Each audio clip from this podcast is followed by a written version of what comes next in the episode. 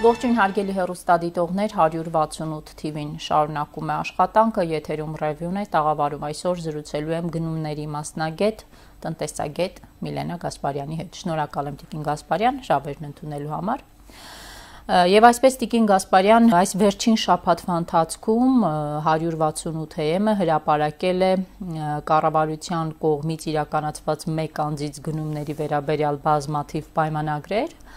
Արյուծի բաժինը տարածքային կառավարման եւ զարգացման նախարարության կողմից իրականացված մեկ անձից գնումներն են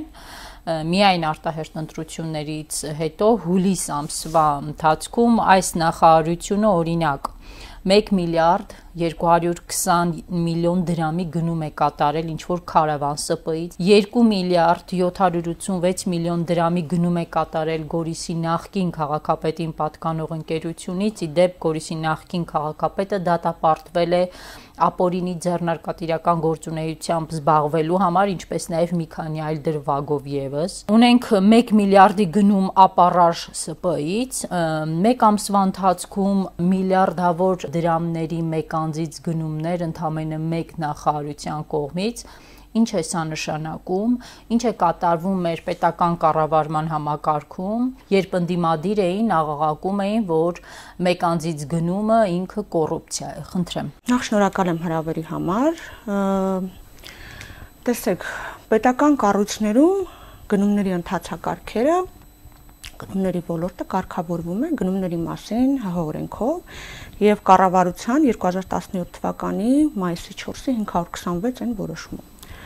Գնումների մասին օրենքում հստակ նշված է թե որ դեպքերում կարող է կատարվել մեկ անձից գնում եւ նշեմ նաեւ որ օրենքում նաեւ նշված է որ նախընտրելի տարբերակը գնումների դա մրցույթն է ոչ մեկ անձը չգիտես ինչի կառավարությունը տարեց տարի ավելացնելով մեկ անձերի գնումները փորձում է արդարացնել կառավարության որոշումները վանհետաձգելի չնախատեսված հիմքով առաջացել է գնման պահանջ ես ուզում եմ անդրադառնալ ձեր նշած մեկ անձով կատարված գնումներին H46 ճանապարհի հետ կապված Որ ընկերությունն է դա։ H46 ճանապարհը հա հիմնա ճանապարհի հիմնանորոգումը հատվածներով է 37 կիլոմետրի մինչև 55 կիլոմետրը Ոսմար եւ Արարատ Ճանշին կոնսորցիումով պայմանագիր է կնքվել։ Ոսմարը Գորիսի նախկին քաղաքապետի պատկանող ընկերություն։ Այո, 2 միլիարդ 786 միլիոն դրամ։ 786 միլիոն դրամ։ Տեսեք, մեկ անձից կատարվել է գնում H46 ճանապարհի մասով, երբ H46 ճանապարհի հիմնանորոգման աշխատանքների մեկնարկը տրվեց 2020 թվականի, եթե չեմ սխալվում, հուլիսին 12 կիլոմետր սկզբից պիտի արվեր, հետո մնացյալ ճանապարհի հիմնանորոգումը։ H46-ի 37 կիլոմետրի հատվածը երբ դարձավ հրատապ, երբ ինձ դա է հետաքրքրում։ Կառավարության համար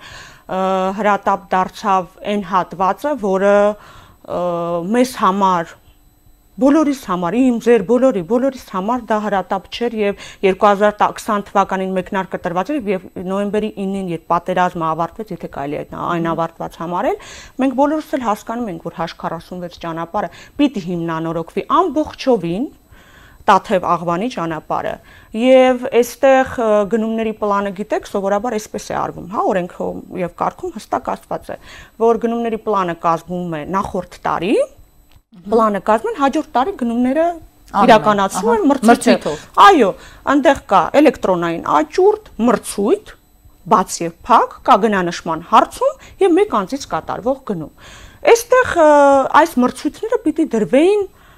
բաց մրցույթով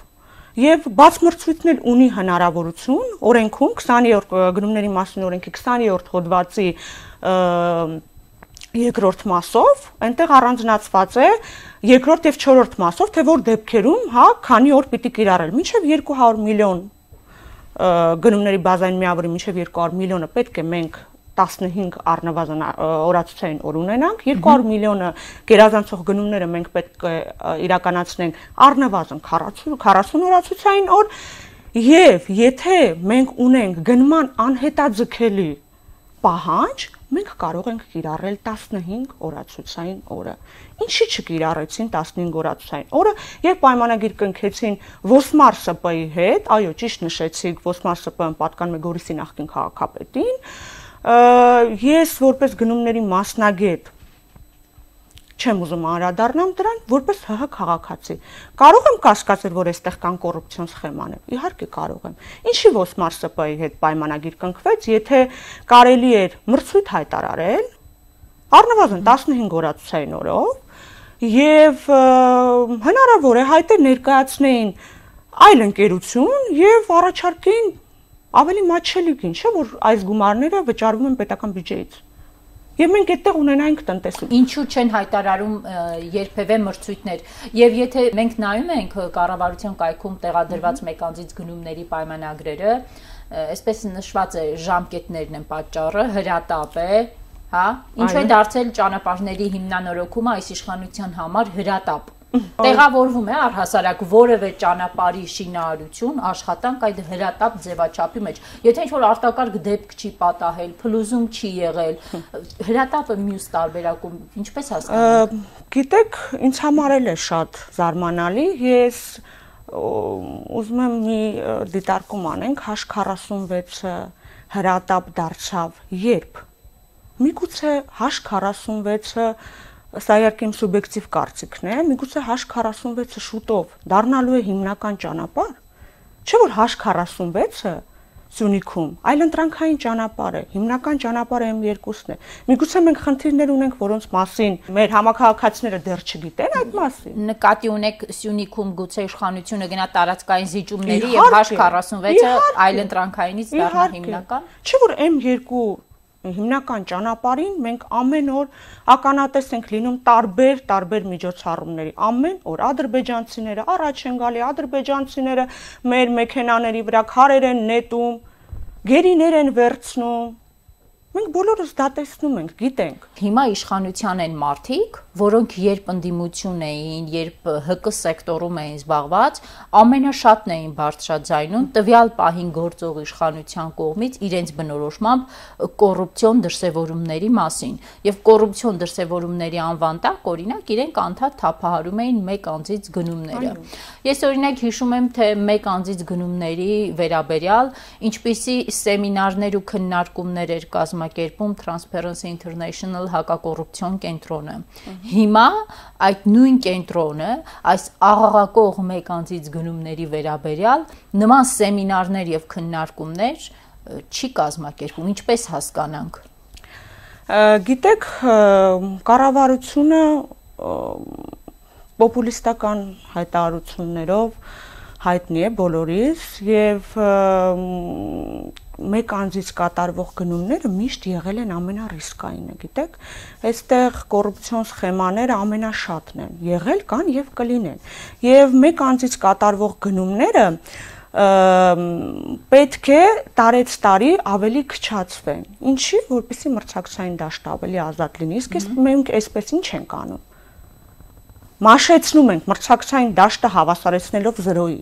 Ես այստեղ ուզում եմ մեկ օրինակ էլ բերել փաստերի ինձ մոտ է նախորդ տարի կառավարության նախորդ տարի Կառավա հունիսի 25-ի կառավարության 2020-ի Այո, 2020 թվականի հունիսի 25-ի կառավարության 1085 են որոշման մեջ նորից հիմք ընդունելով գնումների մասին ՀՀ օրենքի 20-րդ հոդվածի 23-րդ հոդվածի առաջին մասի երկրորդ կետը եւ կառավարության 526-ային որոշման 23-րդ կետի 5-րդ ենթակետի բ պարբերությունը սա իրենց ամենասիրելի հիմքն է որոշում են տեխնիկական հսկողությունը ճանապարհների այո մի շարք ճանապարհների հիմնանորոգման աշխատանքների տեխնիկական հսկողությունները միավորել եւ թույլատրել տարածքային կառավարման եւ ենթակառուցվածքների նախարարությանը պայմանագիր կնքել Cox Consult ընկերության հետ 527 միլիոն դրամի պայմանագիր Մեկ այլ որոշումով նորից ճանապարհների հիմնանորոգման աշխատանքների տեխնիկական հսկողությունները միավորում են եւ պայմանագիր են կնքում Edith International ընկերության։ Ընկերությունների անունները ինչ են ասում։ Ընկերությունների անունների հետ կապված որևէ բան չեմ կարող ասել, ընդհանրապես կարող եմ ասել, որ սրանք տեղական ընկերություններ չեն, մեկը գերմանական, մեկը իտալական ընկերություն է։ Ինձ մոտ ուղղակի հարց է առաջանում։ Մեր տեղական տեղհսկիչները բոլորս էլ գիտենք, որ մենք ունենք բավականին խելացի տեղհսկիչներ տեղական Հայաստանում եւ նրանք բոլորը գոյատևում են գնումների մրցույթների մասնակցելով, շահելով անցած տարի ստացվում է, որ նրանք բացարձակ գործ չեն ունեցել։ Այս մարդիկ մնացել են անգոր։ Մեկանցից միավորել եւ գնումները տվել են այդ արտասահմանյան ընկերություններին։ Այո, եւ այստեղ ուզում եմ շեշտել մեկ կարևոր հանգամանք ինչու երբ քաղաքաշինության նորմերով տեխնիկական հսկողությունը սահմանվում է շինարարության մինչև 2%։ Նախագիծը շինարարության 10%-ն է, հեղինակային հսկողությունը 0.6%-ը, որովհետեւ բարձ լինի պատկերը։ տեխնիկական հսկողության համար սահմանում են մինչև 5% ավելացնում են։ Այո։ Եվ դրանից հետո մեկ անձով կատարում են գնում։ Միավորում են բոլոր այս ճանապարհ, մի շարք ճանապարհների հիմնանորոգման աշխատանքների տեխնիկական հսկողություններ եւ պայմանագիր են կնքում Cox Consult-ի հետ եւ Edis International ընկերության հետ։ Իդեպ վերահսկողական ծառայություն իրականացնող ընկերությունների հետ կապված նմանատիպ մի պայմանագիր էլ Պապիկյանի ղեկավարած գերատեսչությունը կնքել է փոխվարչապետ Տիգրան Ավինյանի գրասենյակի ղեկավար Բագրատ Բադալյանին պատկանող ընկերությունից ճան նախագիծ ՍՊ-ից Բադալյանը միջև պետական կառավարման համակարգում աշխատանքի անցնել է, այնտեղ եղել է փոխտնօրեն 36 միլիոն դրամի։ Փաստորեն ամփոփելով այս հատվածը մենք ինչ ենք տեսնում, որ տարածքային կառավարման եւ ենթակառուցվածքների նախարարությունը Պապիկյանի ղեկավարած այն Պապիկյանի, որը Քարոզարշավի ողջ ընթացքում խոստանում էր, որ իրենք մուրճով են պայքարելու կոռուպցիոն դրսևորումների դեմ, նույն մուրճը չի կիրառում, օրինակ նույն մեկ անձից գնումների պարագայում, որոնք կոռուպցիոն ռիսկ են պարունակում։ Ամենաբարձր։ Իդեպ Տիկին Գասպարյան ճիշտ են իմ թվերը, որ առհասարակ գնումների 30%-ը իրենք փաստորեն անում են մեկ անձից։ Ավելի շատ հիմա։ Հիմա ավելի շատ։ ավելի շատ։ Տեսեք, ոչ միայն մեկ անձից այդ գնումներն են անում, օրինակ ճանապարհների շինարարական աշխատանքներ, այլ նաև այլ միջոցառումներ եւս, օրինակ 2019 թվականին կառավարությունը ընդունեց ռազմավարություն իբրև թե միջև 2030 թվականի վերաբերյալ ռազմավարություն էր, այն Փաշինյանի ձեռագիր երկտող իրականություն դարձնելու մասով, այն ժամանակ պետական բյուջեից հատկացվեց 100.000 դոլար եւ այդ 100.000 դոլարի ուղիղ կեսը մեկ անձից գնում արեցին, հիշում եք Անտարեսից այն հայտնի պաստառները փակցնելու համար։ Թե ինչ եղավ այդ ռազմավարության հետևանքը միջև 2030 թվականը, որևէ մեկս չտեսանք։ Պաստառներ նաև փակցված են, բայց ռազմավարությունը կյանքի կոչվեց թե ոչ, որևէ մեկը չգիտի։ Հիմա տեսեք, դա այսպես անկատար մնաց, Եվս մեկ անգամ կառավարությունը ինչ որ նոր ռազմավարության մասին է խոսում, նախագծի հեղինակը փոխվարչապետի գրասենյակն է, ի դրաֆտում արդեն նախագիծը արկա է, հանրային կառավարման բարեփոխումների միջև 2030 թվականի ռազմավարություն։ Այստեղ էլ ահռելի մեծ թվերի մասին է խոսում 6 միլիարդ երկու տարվա համար պետք է հատկացվի պետական համակարգի բարեփոխումների համար։ Մի կողմից մենք ասում ենք, որ կառավարությունը թափանցիկ չէ, իրենք պնդում են, որ իրենք պայքարում են կոռուպցիայի դեմ։ Մյուս կողմից մենք տեսնում ենք այս կարգի գումարների հատկացում եւ արդյունավետությունը այդ գումարների հատկացման չենք տեսնում։ Սա ինչի մասին է խոսում փող է մսխվում այս կերպ, ինչ է արվում։ Կառավարությունը կարծես ավանդույթ է դարձրել իր համար եւ յուրաքանչյուր կառավարության նիստին ինչ որ մի ամբողջաճո հայտարարություն է անում, ինչ որ ռեկորդների մասին է խոսում, ես ձեզ սենց ասեմ, տնտեսական բարիք ստեղծողը մարդն է եւ այս հայտարարությունները մարդկանց սպասելիքներ են հա ձևավորում, մարդկանց մոտ սպասելիքներ են ձևավորում, երբ մարդկանց սպասելիքները արդարացված չեն, առաջին անդրադարձը բացական առումով տնտեսության վրա է, նշեցի, քանի որ տնտեսական բարիք ստեղծող հենց ինքը մարդն է եւ իրենց նախորդ տարիների պոպուլիստական ամբողջաճո հայտարարություններով նրանք կարողացան մեր հասարակության մոտ այնպիսի սպասելիքներ ձևավորել, որ սպառողական վարկերը շատացան։ Բավականին բարձրացան։ Ես ձեզ մի թիվ կուզեմ ասել, մինչև 3 միլիոն դրամ սպառողական վարկերի թիվը այսօր գիտեք ինչքան է։ 823 միլիարդ դրամ։ Ահա։ Ինչ է սա իրենից ենթադրում։ հա։ Հավատալով խոստումների իհացել վարկ են վերցրել։ Իհարկե։ Իսկ ով պիտի սրատակից դուրս գա։ Ով կառավարությունը սպառողական վարկերը շապ չի բարձրանում։ Իհարկե։ Աշխատավարձների մասը, ուզում եմ նաև իդեպ աշխատավարձներին էլ անդրադառնամ։ Կառավարության նախորդ նիստին վարչապետը պետ նախագահի հետ իրար հերթ չտալով հայտարարություն արեցին, որ աննախադեպ աշխատավարձները աճել են միջին ամսական աշխատավարձը բարձրացել է 216000 դրամ եւ այստեղ մեկը չկարողացավ կանգնի ասի իսկ գնաճ ինչքան է մենք ԱՎՑ-ն այսօր հրապարակել է վերջին 6 ամսվա ցուցանիշները ուրեմն մենք 6 ամսվա համար ունենք 5.7% գնաճ եւ միայն հունիսի համար մենք ունենք 6.5% գնաճ։ Դա էլ շնորհիվ երևի թե զբոսաշրջության։ 300 կարծեմ 16%, չէ՞։ Եթե այո, այո։ Մենք խոսեցինք մեկ անձից գնումների մասին հիմա տնտեսությանը կանդրադառնանք, բայց այստեղ նաև կուզեմ կառավարության այս գործելավոճի վերահսկողության բացակայության մասին էլ խոսենք։ Եթե նախկինում օրինակ տարբեր հասարակական կազմակերպություններ նույն Transparency-ին այդ գործն անում էր ինչ որ առումով, հիմա դա անող կարծես թե չկա։ Ինչու դժվարանում եմ պատասխանել, այսօր կարծես շատերն են լռում չգիտեմ դա ինչով է պայմանավորված շատերը մի շարք ատյաններից մենք ճունենք ոչ մի արձագանք կառավարության համանadrական դատարանի որոշումը վերջերս որ հրապարակվեց մուրճի հետ կապված, եթե կհիշեք, համանadrական դատարանը ոչ մի բան չասեց այս մասով։ Դե երևի Նիկոլ Փաշինյանը կամ Նիկոլ Փաշինյանի կառավարությունը ուրիշ բան են իրականում ուզում ասել մուրճով հարվածել իրենք վատ բան նկատի չունեին եւ մենք տեսնում ենք հիմա ինչ է կատարվում մեր երկրում տեսնում ենք ինչ անօրինականություններ են կատարվում մարդկանց տարել են բանտերը լցրել են ու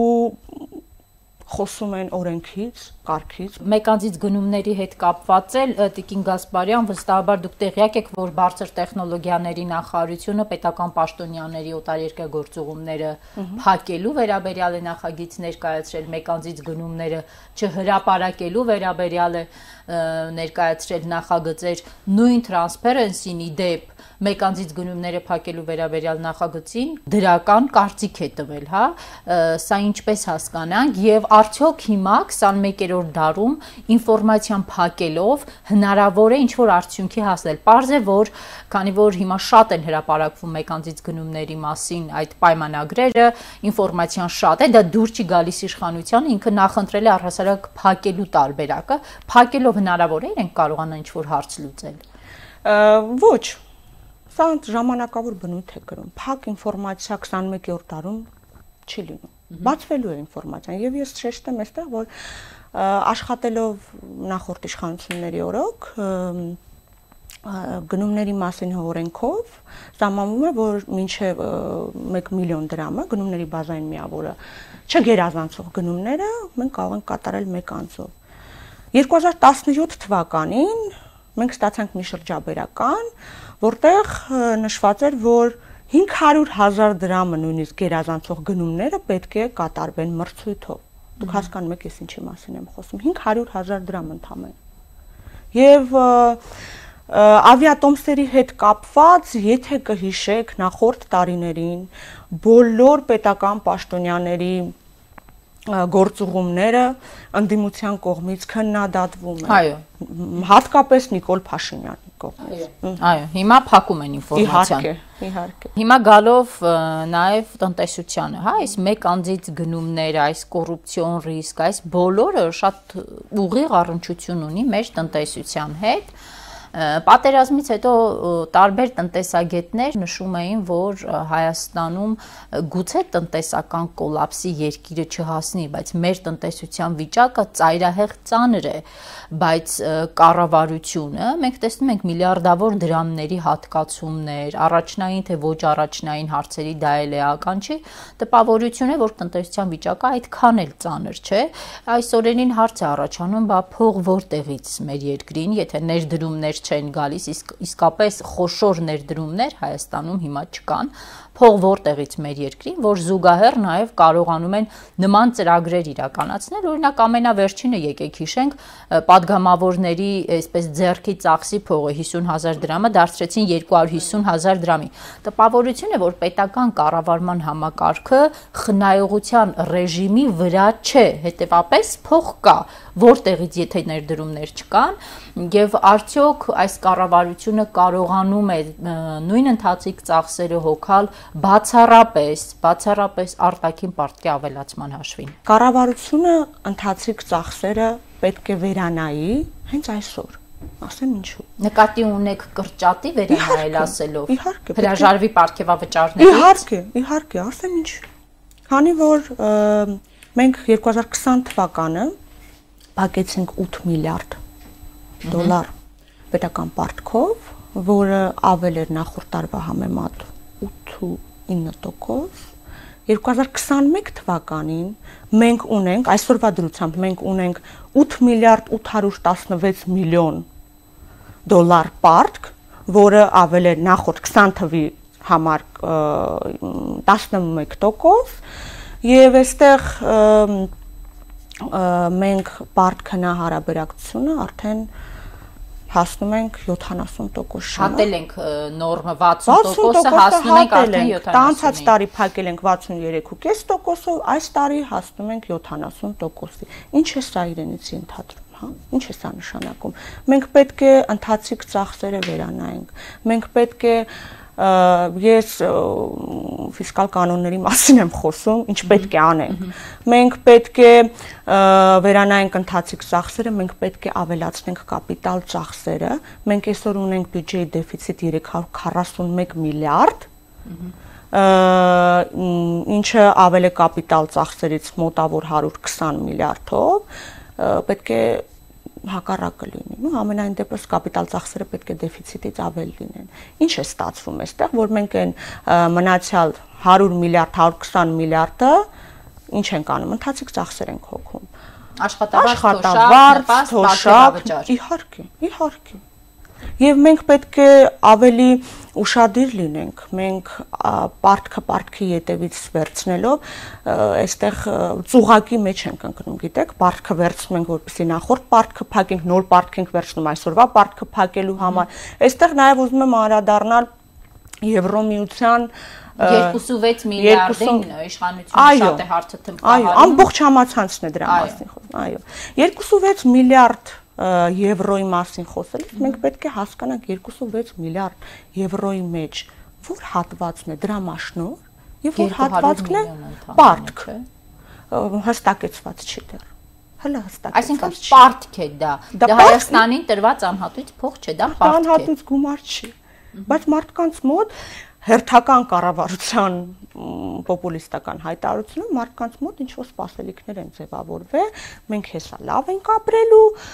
եվրոմիությունը գումար է տալու երկիրը զարգանալու է ծրագրերը լավն են բավականին ասեմ ծրագրերը լավն են ծրագրերը եթե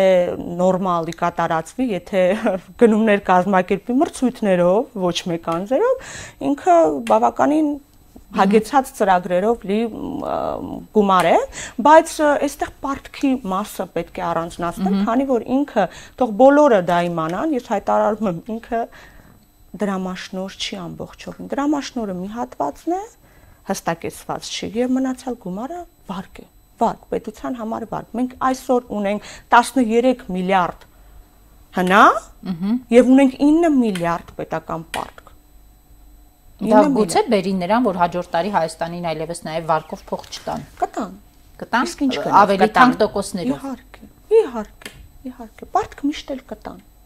Սակայն ինչ գնով պարտք։ Այս դեպքում տնտեսությունը ուր է գնում, այս իշխանությունը, գործող իշխանությունը, որը վերընտրվեց, տնտեսությունը որտեղ է տանում։ Օրինակ, կառավարության նիստերի ժամանակ ընդունվում են նախագծեր սուբսիդավորման վերաբերյալ, ինտենսիվ այգիների վերաբերյալ, էկոնոմիկայի նախարար Վահան Քերոփյանը դրանք համարում է չնաշխարիկ չնաշխարիկ նախագծեր առնչվող գյուղատնտեսությանը։ Մյուս կողմից մենք խոսում ենք այն մասին, որ Հայաստանի Հանրապետություն խոշոր ներդրումներ չեն գալիս, որովհետև որևէ խոշոր ներդրող չի գնա մի երկիր, որն ունի օրինակ անվտանգային նման համակարգ, որի սահմաններն այս կարգի անպաշտպան են։ Հետևապես փոքր ներդրումներով եւ այսպիսի իրավիճակով մենք ուր ենք գնում եւ հնարավոր է որ գործող իշխանությունը ելքը գտնում է Հայաստան-Թուրքիա բարեկամության եւ բաց ճանապարհների միջև։ Ներդրումների հետ կապված ես կարծում եմ նախ ուզում եմ անդրադառնալ Վահան Քերոփյանին, չնաշխարիկ նախագծերին, այո, որ Հայաստանը դրախտ է ներդրողների համար։ Տեսեք, ներդրողները իրենք շատ զգայուն են, եւ ներդրողները որևէ երկրում մեծ ներդրումների մասին է խոսքը ներդրում անելու համար իրենց համար հարկավոր է տվյալ երկրի երկրում քաղաքական կայունություն բանկային գաղտնիքի մասին օրենք Չունենք, դա էլ չունենք մենք Տիգին Գասպարյան։ Իհարկե չունենք։ Անվտանգություն դատական համակարգի անկախության մասին ուղակի լռում եմ։ Հիմա որ խելացի ներդրողը Հայաստանում ներդրում կանի։ Ես կարծում եմ ոչ մեկ։ Ես ինքս, եթե որևէ երկրում հնարավորություն ունենայի ներդրում անելու, Հայաստանի նման երկրում երբեք ոչ մի ներդրում չի անի, նույնիսկ փոքր։ Քանի որ մենք չգիտենք վաղը մեր երկրի համար լույս բացվելու է, թե ոչ։ Մենք ամեն օր ականատես ենք լինում մի շարք խնդիրների գերի են ընկել հովիվը գնաց մոլորվեց միջև դա մենք տեսնում ենք չէ ամուլսարի հետ կապված խոշոր ներդրող որի ներդրած գումարը մնաց օթից կախված։ Տեսնում ենք, թե կառավարությունը ինչ կերպ է վարվում պետական բյուջե արտարժույթով փող բերող միակ ընկերության Զանգեզուրի կոմբինատի հետ, հա, մուրճով նաև այդ կոմբինատում են շրջում, հետեւապես ազդակները ըստ էության ներդրողներին Իհարկե, այնքան էլ գրավիչ չեն։ Ուզում եմ առանձնացնեմ ներդրողների հետ կապված, որ ով կգա ներդրում կանի։ Իրականում ներդրող կլինի Հայաստանում։ Իսկ ով է այդ ներդրողը։ Ես կարծում եմ, որ թուրքական կապիտալն է շուտով Հայաստան լցվելու Թուրքերը այստեղ ներդրումներ կանեն։ Թուրքերը, գիտեք, մեր դարավոր թշնամին, թշնամիներն են, նրանք մեր թշնամին եղել են կան եւ կլինեն։ Թուրքը մեզ երբեք բարեկամ չի դառնա։ Կարող է մեր կառավարության համար իրենք արդեն բարեկամներ են, բայց նրանք մեր բարեկամ երբեք չեն դառնա։ Եվ հեղեղելով մեր շուկան թուրքական կապիտալով, մի քանի տարվա ընթացքում մեզ կուլ կտան հավատացեք մեզ։ Զենք այլևս պետք չի լինի։ Իհարկե, միշտ էլ ուժեղները թույլերին կուլ են տալի։ Սա ընդունված կանոն է։ Տեղյակ եք, չէ, որ ապօրինի գույքի բռնագանձման օրենքով արդեն իսկ 21 մարդ անցնում է, հա, եւ իշխանությունը եւ քարոզարշավի ողջ ընթացքում էր հիշեցնում, որ ապօրինի գույքի բռնագանձման մասին օրենքը կյանքի են կոչել, ահա գույքերը պետք է բռնագանձենք եւ նաեւ հիմա, երբ խոսում են տնտեսության, ներդրումների մասին, լավ ապրելու մասին, իշխանության տարբեր ներկայացուցիչներ հիշեցնում են ապօրինի գույքի բռնագանձման մասին օրենքը։ Հիմա օրինակ Անդրանիկ Քոչարյանն ասում է այդ դղյակները բռնագանձելու ենք, կսարքենք մանկապարտեզներ։ Նախ հարց է առաջանում, հաշվի առնելով Ծաղկաձորի Golden Palace-ի օրինակը, որը բռնագանձել 3 անգամ դրել են աճուրդի չեն կարողանում վաճառել, ովքեր են դառնալու այդ ապօրինի բռնագանձված գույքերի տերերը, գուցե դառնա դրա տերը օրինակ մի թուրք գործարար, հա, ով է Հայաստանում այդ գույքը գնելու։ Իհարկե, իհարկե, եթե որևէ գույքի միավոր արժեք վերցնենք 100 միավոր է, գույքի արժեքը 100 միավոր է, թուրքը տալիս է 250 միավոր։ Ով չի վաճառելու մեր պետությունը։ Իհարկե վաճառելու է։ Եթե թուրքական ապրանքը մտնի Հայաստան, մեծ թափով գյուղատնտեսական ապրանքներ ներմուծվեն Հայաստան, Ինչ է այստեղ կատարվելու։ Գիտեք Թուրքիայի մի փոքր անդրադարձ թուրքական, հա, տնտեսության մասին, Թուրքիայի տնտեսությունը գիտեք 760 միլիարդ հնա ունեցող տնտեսություն ունի Թուրքիան, մենք ընդհանրապես 13 այո։ Եվ թուրքական ապրանքները ներխուժելով Հայաստան, Այստեղ տեղական ապրանքների վերջը դնելու են, հատկապես գյուղատնտեսության ոլորտում, քանի որ թուրքերը, թուրքական կառավարությունը գյուղատնտեսության ոլորտի մի շարք սուբսիդավորումներ է տրամադրում։ Մենք չունենք դա։ Մենք չունենք, իհարկե։ Տնտեսությունը կոլապսի առաջ չկանգնեցնելու ելքը որպես կարող է դիտարկել նաև թուրքական կապիտալը, թուրքական փողը, հա։ Դա է նշանը։ Երբ քաղաքաշինության կոմիտեի նախկին ղեկավար Վահագն Վերմիշյանին կալանավորել էին, օրերս նրա փաստաբանը մեր եթե եթերում ասաց, որ երբ խնդիր է առաջացել Գյումրիում կառուցել Մաքսատուն, այն ժամանակ Վահագն Վերմիշյանը Փաշինյանի հետ առանձնազրույցի ժամանակ ասել է, որ սովորաբար Մաքսատուն այնտեղ կառուցելու կարիք չկա, դա անում են միջպետական ճանապարհին եւ Վերմիշյանը հարց է տվել Փաշինյանին, գուցե հերանեկարում կա Թուրքիայի հետ սահմանները բացելու եւ առևտուր անելու գաղափարը, ասում է Փաշինյանն այդ հարցադրումից բազուկի պես կարմրել եւ Վերմիշյանի սենյակից դուրս են հրավիրել կարող ենք այսպես փաստերը, հա, իրողությունները իրար գումարելով, համադրելով գալ այն եզրակացության, որ գործող իշխանության համար ամենևին էլ նոր չէ Թուրքիայի հետ առևտուր անելու հերանեկարը, իսկ սկզբանե դա եղել է հիմքում։ Այո։ Այո, իհարկե։ Իհարկե հնարավոր է։ Թուրքիայի հետ առևտուր, թուրքական կապիտալը լցնել է ստեղ, նորմալ է կարծում։ Դրա համար էլ կառավարության մի շարք անդամներ հայտարարություններ են անում, որ շուտով լավ է լինելու, տնտեսական աճ ենք ունենալու։ Ինչ տնտեսական աճի մասին է խոսքը։ Ինչ տնտեսական աճի մասին է խոսքը, եթե մենք այսօր ունենք ԱՎԾ-ի, հա, հրաապարակած տվյալներով մենք այսօր ունենք 5% տնտեսական աճ 6 ամսվա համար, սա պայմանավորված է բազային էֆեկտով, քանի որ մենք նախորդ տարի ունեցել ենք աննախադեպ 7.5% տնտեսական անկում, երբ Ադրբեջանում անցած տարի 4% տնտեսական անկում է եղել։ Մեր մոտ 7.5%։ Բնականաբար բազային էֆեկտով պայմանավորված մենք 5% կարող են կարող ենք 6% էլ ունենալ հաջորդ ամիս Եվ դա ամենևին էլ մեր լավ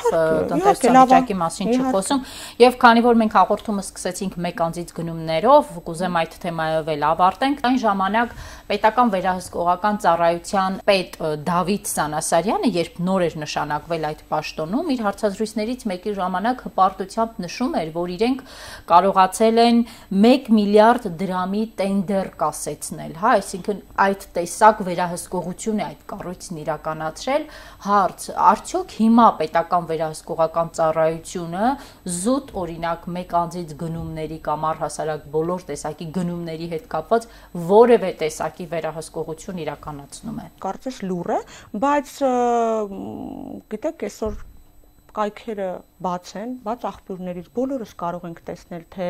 տարվա ընթացքում քանի մեկ անձով գնում կատարվեց, քանի մրցույթ, գնանշման հարցում աղբյուրները բաց են, բոլորն են դա տեսնում։ Այստեղ նաև ուզում եմ շեշտել մի բան, որ մեկ անձով գնումը H46-ի հետ կապված, որ միլիարդավոր դրամներ, որը ընդհանուր հաշվարկով հա մոտավոր 12 միլիոն դոլարի մասին է խոսքը։ Այս ճանապարհների հիմնանորոգման համար պայմանագիր կնքվել է մեկ անձով, ինչպես նաև դրա հեղինակային տեխնիկական հսկողությունն էլ է մեկ անձով։ Այո, այո, Սուֆետ, Woman Սուֆետ ընկերությանը։ Ով է այս ընկերության հիմքում։ Ով է։ Ինչի է այս ընկերությունը։